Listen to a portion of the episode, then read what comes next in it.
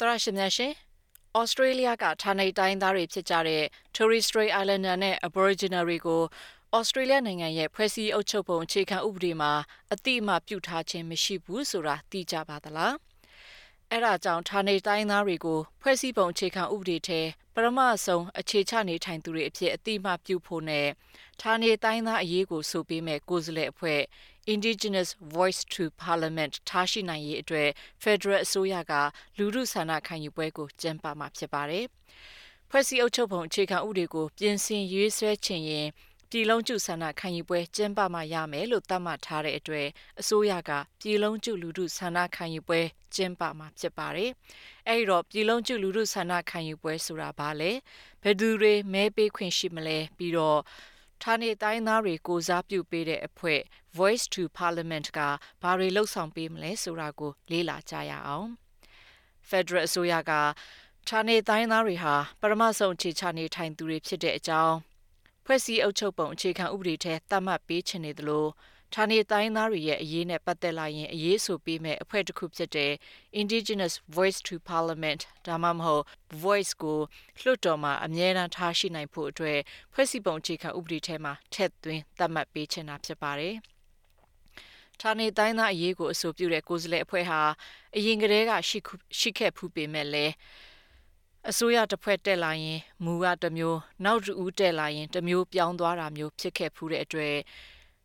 ပြောင်းလဲလုပ်ရတာခက်ခဲတဲ့ဖွဲ့စည်းအုပ်ချုပ်ပုံအခြေခံဥပဒေထဲမှာသတ်မှတ်ပေးရင်ဘယ်အစိုးရပဲတက်တဲ့အပြောင်းလဲတွေလုပ်လို့မရသလိုသူတို့လူကိုဆွဲထည့်ဖို့သူတို့မူထည့်ဖို့မဖြစ်နိုင်အောင်ဖွဲ့စည်းအုပ်ချုပ်ပုံထဲထည့်သွင်းဖို့လိုလားကြတာဖြစ်ပါတယ်။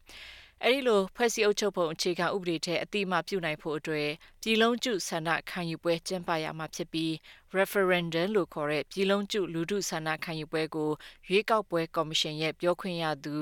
Evan Atkins-Smythe ကအခုလိုရှင်းပြထားပါတယ်။ A referendum is a national vote on a particular issue to change or not the Constitution of Australia.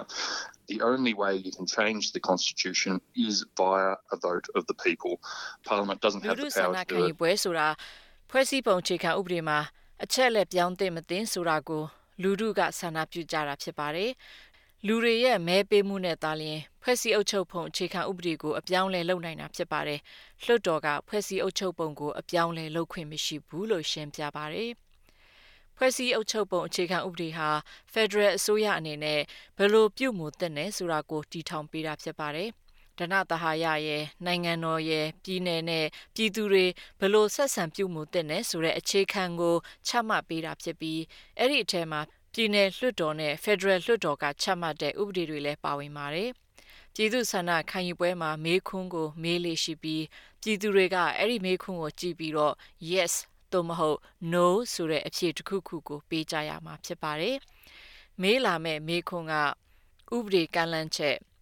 Aboriginal နဲ့ Torres Strait Islander Voice ကိုတီထောင်ခြင်းအဖြစ်ဌာနေတိုင်းသားများအားအတိမပြုရန်အတွက်ဖွဲ့စည်းအုပ်ချုပ်ပုံအခြေခံဥပဒေအားပြောင်းလဲရန်ဖြစ်ပြီးသည့်အနေဖြင့်ထိုကဲ့သို့ပြောင်းလဲမှုကိုထောက်ခံပါသလားဆိုတဲ့မေးခွန်းကိုမေးမှဖြစ်ပါတယ်။မဲပေးမဲ့ပြည်သူတွေကထောက်ခံပါသည် yes သို့မဟုတ် မထောက်ခံပါ no ဆိုပြီးအင်္ဂလိပ်ဘာသာနဲ့အဖြေတစ်ခုကိုရေးချပေးရမှာဖြစ်ပါတယ်။လူထုဆန္ဒခံယူပွဲအောင်မြင်ဖို့အတွက်မဲအများစုနှစ်ဆင့် double majority ရရှိဖို့လိုအပ်တယ်လို့လည်း AEC အဖွဲ့က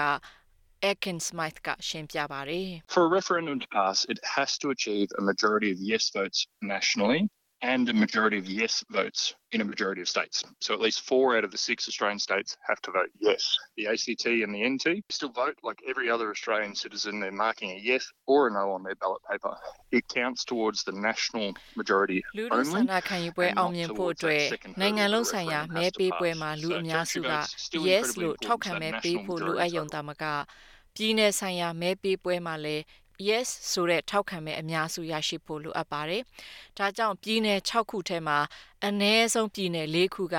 yes မဲကိုပေးကြရမှာဖြစ်ပါတယ်။ ACT နဲ့ Northern Territory မှာလည်းနိုင်ငံသားတွေကတခြားပြည်နယ်သားတွေကိုတခြားပြည်နယ်သားတွေလိုပဲ yes သို့မဟုတ်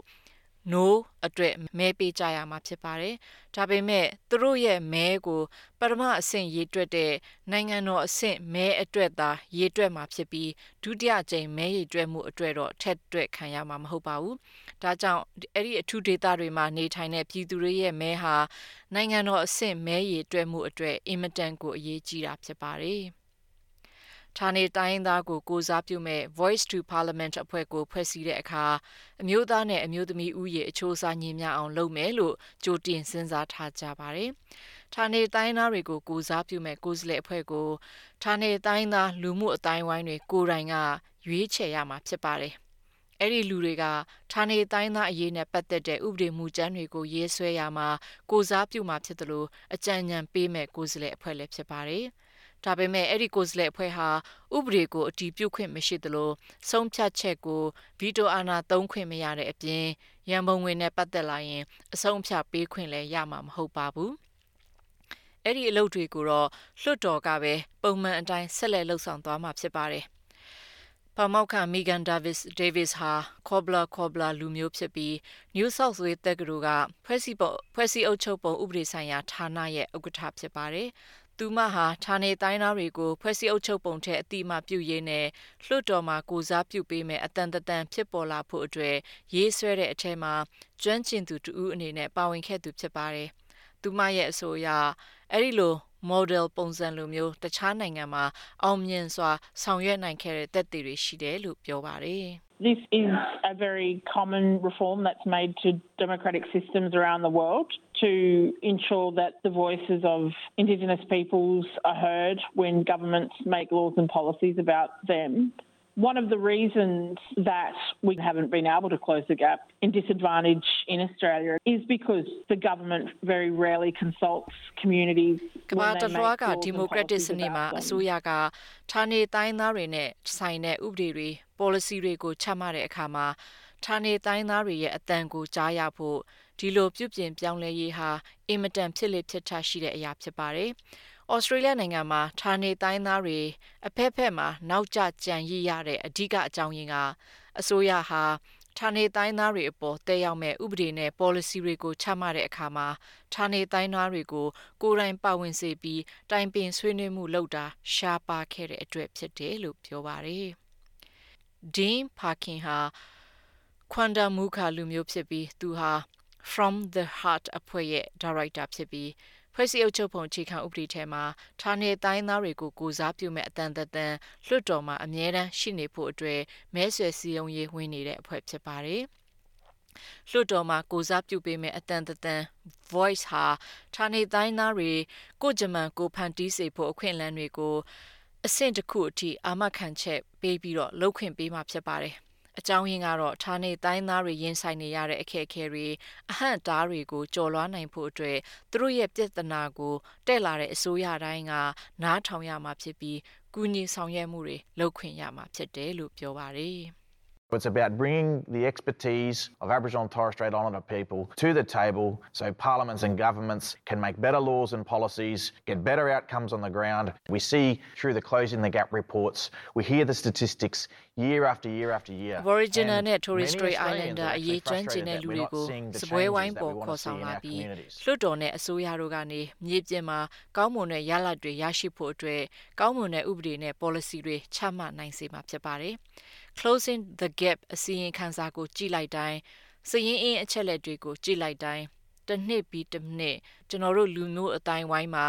လူတွေမြင်ချင်တဲ့တိုးတက်မှုမရှိတာတွေကြည့်ပြီးတော့ဩစတြေးလျကပြည်သူတွေကလည်းစိတ်မရှိတော့တာမျိုးတွေခံစားလာကြရပြီလို့ပြောပါတယ်။ဌာနေတိုင်းသားတွေကိုကိုစားပြုမဲ့အတန်တရကိုလွှတ်တော်မှာထားရှိရေးအတွက်ထောက်ခံတဲ့ဌာနေတိုင်းသားတွေရှိသလိုမထောက်ခံတဲ့ဌာနေတိုင်းသားတွေလည်းရှိပါတယ်။ voice ကိုမထောက်ခံတဲ့အထက်မှာအထင်ကရထားနေတိုင်းသာနိုင်ငံရေးသမားတွေလည်းပါဝင်ပါတယ် Northern Territory Country က Liberal Party လွှတ်တော်အမတ် Jacinta Price နဲ့ Labor Party ခေါင်းဆောင်ဟောင်း Warren Mundine တို့ဟာ No Campaign အုပ်စုကဖြစ်ပါတယ်။သူတို့ရဲ့အဆိုအရ Voice to Parliament ကသူတို့ရဲ့အရေးကိုဘာမှမဲမဲမရရဖြေရှင်းပေးနိုင်မှာမဟုတ်ဘူးလို့မြင်နေကြပါတယ်။ ပြည်လုံးကျလူထုဆန္ဒခံယူပွဲအချိန်နီးလာတာနဲ့အမျှရ Yes Campaign နဲ့ No Campaign အဖွဲ့တွေဟာ voice နဲ့ပတ်သက်ပြီးထောက်ခံကြောင်းနဲ့ကန့်ကွက်ကြောင်းတွေကိုပို့ပြီးတော့မဲဆွယ်လှုပ်လာနေကြပါတယ်။ရွေးကောက်ပွဲကော်မရှင် AEC ရဲ့ပြောခွင့်ရသူ Evan Akin Smith က AEC အနေနဲ့ဩစတြေးလျနိုင်ငံသား18တန်းကျော်ဆန္ဒပြုကြမဲ့ပွဲမှာမဲပေးနိုင်အောင်မဲစည်းသွင်းထားကြဖို့နဲ့ အချက်လက်တွေကိုဖြန့်ဝေတဲ့ campaign ကိုစတင်လှုပ်ဆောင်မှာဖြစ်တယ်လို့ပြောပါတယ်။ We'll have thousands of polling places available across the country on referendum day. Uh, there'll also be early voting centres available in the weeks leading up to it as well. So if you can't make it on the day, turn up in person to an early voting centre. We'll be facilitating overseas voting, the remote mobile polling. ပြည်လုံးကျလူလူဆန္ဒခံယူပွဲနေကြရင်နိုင်ငံတလွှားမှာထောင်နဲ့ချီတဲ့မဲယုံတွေထားရှိပေးမှာဖြစ်ပါတယ်။အဲ့ဒီနေ့မှာမဲမပေးနိုင်တဲ့လူတွေအတွက်အဆင်ပြေအောင်အဲ့ဒီနေ့မတိုင်ခင်သတင်းပတ်အလိုကလေးကကြိုတင်မဲပေးနိုင်မဲ့စင်တာတွေကိုလည်းဖွင့်လှစ်ပေးမှာဖြစ်ပါတယ်။ ပြည်ပနိုင်ငံတွေမှာရောက်နေတဲ့လူတွေလည်းမဲပေးနိုင်အောင်စီစဉ်ပေးမှာဖြစ်သလိုနေဇွန်နှပြားဒေတာအတွေ့မိုဘိုင်းမဲယုံတွေနဲ့စာတိုက်ကနေတဆင်မဲပေးနိုင်အောင်လုပ်မှာဖြစ်ပြီးမျက်မြင်မြင်တဲ့လူတွေအတွေ့ဖုန်းကနေမဲပေးနိုင်အောင်ဆောင်ရွက်ပေးမယ်လို့လည်းပြောဆိုထားပါတယ်။ဩစတြေးလျနိုင်ငံရဲ့တမိုင်းကိုပြန်ကြည့်မယ်ဆိုရင်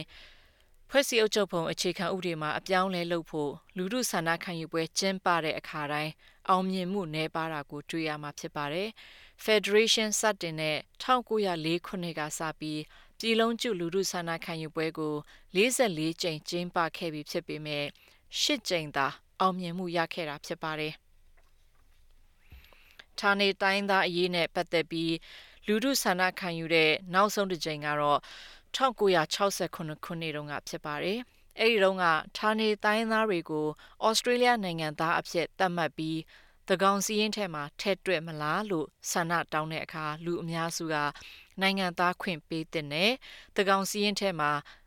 ထည့်ပြီးတော့ရေတွက်တဲ့နဲ့လို့မဲပေးခဲ့ကြတာဖြစ်ပါတယ်။ပြည်လုံးကျလူမှုဆန္ဒခံယူပွဲမှာမဲဘယ်လိုပေးရမလဲဆိုရင်မဲစာရွက်ပေါ်မှာမဲပေးသူအနေနဲ့အင်္ဂလိပ်ဘာသာနဲ့ yes သို့မဟုတ် no တခုခုသာအင်္ဂလိပ်လိုရေးချပေးရမှာဖြစ်ပါတယ်။ Pat Callanan ဟာ AEC ရဲ့ကိုယ်စားလှယ်ဖြစ်ပြီးလူတွေနားလည်အောင်အချက်လက်တွေကိုတခြားဘာသာစကားတွေနဲ့လည်းဘာသာပြန်ပေးသွားမယ်လို့ပြောပါတယ် that we're going to have resources translated into over 30 culturally and linguistically diverse languages and they're going to be available on our website um, and available in in phone call interpreter services as well ကျွန်တော်တို့ကတခြားရိုးရာယဉ်ကျေးမှုမတူတဲ့လူဘာသာစကားမတူတဲ့လူတွေအတွက်ဘာသာစကားအမျိုး30ကျော်နဲ့အချက်လက်တွေကိုဘာသာပြန်ပေးမှာဖြစ်ပြီး website မှာတင်ပေးမှာဖြစ်တယ်လို့စကားပြန်ဝန်ဆောင်မှုတွေလည်းထားရှိပေးမယ်လို့ပြောဆိုသွားတာဖြစ်ပါတယ်။အကယ်၍မိမိဟာရွေးကောက်ပွဲတွေမှာမဲပေးခွင့်ရတဲ့လူဆိုရင်တော့ဒီပြည်လုံးကျလူမှုဆန္ဒခံယူပွဲမှာလည်းမဲပေးခွင့်ရမှာဖြစ်ပါတယ်။ဩစတြေးလျနိုင်ငံမှာမဲပေးခွင့်ရှိသူတိုင်းမဲပေးရမယ်လို့သတ်မှတ်ထားတဲ့အတွက် ပြည်လုံးကျဆန္ဒခံယူပွဲမှာလည်းမဖြစ်မနေမဲပေးရမယ်လို့ပြောပါတယ် So you just have to be an Australian citizen. But we would encourage people that if you've moved or if you're not sure if your enrolment is up to date, you can check your enrolment at aec.gov.au and you can just check there to make sure that Australia နိုင်ငံသားဖြစ်ဖို့ပဲလိုတာပါလူတွေကိုတိုက်တွန်းချင်တာကအကယ်၍လူတွေအနေနဲ့နေအိမ်ပြောင်းခဲ့တယ်ဒါမှမဟုတ်မဲစင်းမှာမိမိရဲ့အချက်လက်က update ဖြစ်လားမဖြစ်ဘူးလားဆိုတာကိုသိချင်ရင် aec.gov.au မှာဝင်ရောက်ကြည့်ရှုနိုင်ပြီးအချက်လက်တွေကို update လုပ်နိုင်အောင်လှုပ်ဆောင်ပေးထားတယ်လို့ပြောပါရယ် Mr. Akin Smite ကပြည်လုံးကျဆန္ဒခံယူပွဲနဲ့ပတ်သက်ပြီးပုံမနားလည်အောင်လူတွေစကန်နိုင်လူတာတွေကိုလေးလာဖို့ဒါမှမဟုတ်မိမိဘာသာနားလည်အောင်လေးလာမှုတွေလုပ်ဖို့တိုက်တွန်းထားပါတယ်။ really think about the topic. That's what differs for a referendum. You're not thinking about candidates who you might want to elect, you're thinking about the issue. So carefully do your research, think about whether you want to vote yes or no. အဲ့ဒီအကြောင်းကိုတေချာစဉ်းစားပါပြည်လုံးကျလူမှုဆန္ဒခံယူပွဲဟာရွေးကောက်ပွဲနဲ့မတူတာကတော့မိမိအနေနဲ့ရွေးချယ်ခြင်းနဲ့ကိုယ်စားလှယ်လောင်းကဘယ်သူလဲဆိုတာထည့်စဉ်းစားစရာမလိုပဲ ဒီ issue ကိုပဲစဉ်းစားရတာမျိုးဖြစ်ပါတယ်အဲ့ဒီတော့တေချာလေးလာမှုလုပ်ပြီးမိမိအနေနဲ့ yes မဲပေးမလား no မဲပေးမလားဆိုတာဆုံးဖြတ်ပြီးမဲယုံကိုလာတဲ့အခါမိမိအနေနဲ့အကြောင်းအရာကိုသိနာလည်နေတဲ့အနေအထားမျိုးနဲ့လာရောက်မဲထည့်ဖို့တိုက်တွန်းထားပါတယ်အရေးကြီးတာကတော့ဒီလိုကိစ္စမှာမိမိအနေနဲ့မဖြစ်မနေပါဝင်ရမယ်ဆိုတာကိုသိထားဖို့အရေးကြီးတယ်လို့လည်း Mr. Callanan ကထပ်လောင်းပြောဆိုထားပါတယ်။ It's really important to have your say whichever way you vote. At the AEC, we don't care how people vote. All we care is that people do vote. And it's a really special thing being able to have your say on that. So we really encourage people to take that seriously. ကိုယ့်ရဲ့ထင်မြင်ယူဆချက်ကိုဖော်ပြဖို့ကအင်မတန်ကိုအရေးကြီးပါတယ်။တင့်အနေနဲ့ဘယ်ဖက်ပဲရပ်တည်နေပါစေရွေးကောက်ပွဲကော်မရှင်ကဂရုမစိုက်ပါဘူး။ကျွန်တော်တို့ဂရုစိုက်တာကတော့လူတွေမဲပေးဖို့ပဲဖြစ်ပါတယ်။ မိမိရဲ့ထင်မြင်ယူဆချက်ကိုမဲပေးခွင့်ရတာဟာတကယ်ထူးခြားတဲ့အချက်ပါ။အဲဒီတော့လူတွေအနေနဲ့အဲ့ဒါကိုအလေးနဲ့ထားပြီးမဲပေးကြဖို့တိုက်တွန်းလိုတဲ့အကြောင်းပြောသွားခဲ့တယ်လို့တင်ပြရင်ဒီအစီအစဉ်ကိုအဆုံးသတ်လိုက်ပါရရှင်။ကျမကမူလှိုင်းသိမ့်ပါ